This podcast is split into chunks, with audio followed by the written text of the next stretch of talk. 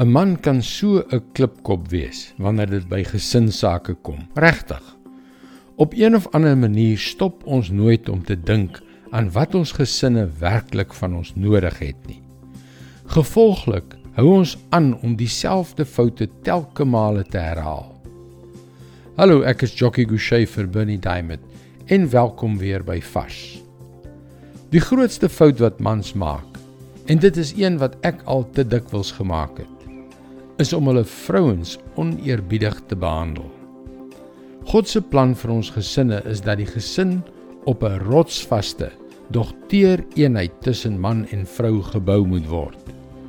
Dit is 'n een eenheid wat elke keer gebreek word wanneer ons as mans luister gerus mooi ouens 'n gebrek aan respek toon vir die een persoon op hierdie planeet wat die belangrikste persoon in ons lewe behoort te wees. 1 Petrus 3 vers 7 Mans, julle moet verstandig met julle vrouens saamleef. Bewys eer aan hulle as die swakker geslag wat saam met julle deel in die lewe as genadegawe.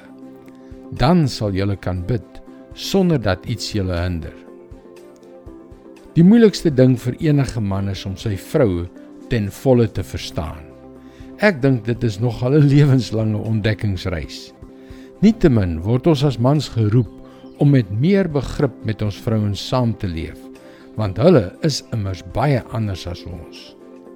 Ja, ons weet, sy is fisies swakker. Tog is dit juis in daardie konteks wat God mans beveel om vir hulle vrouens respek te toon. Hoe? Moenie kwaai woorde gebruik nie.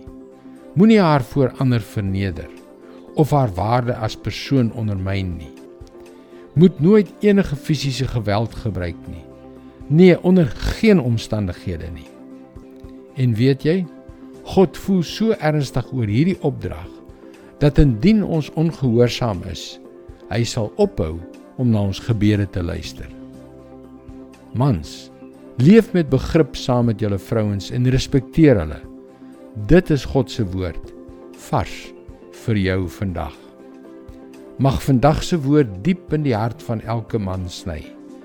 Die enigste soort gebed waarvan die Bybel ons leer, is die soort wat kragtige resultate het. Ons sal baie graag saam met jou bid. Gaan gerus na powerfulprayer.org om jou gebedsversoek te deel. Luister weer môre na jou gunstelingstasie vir nog 'n vars boodskap. Mooi loop. Tot môre.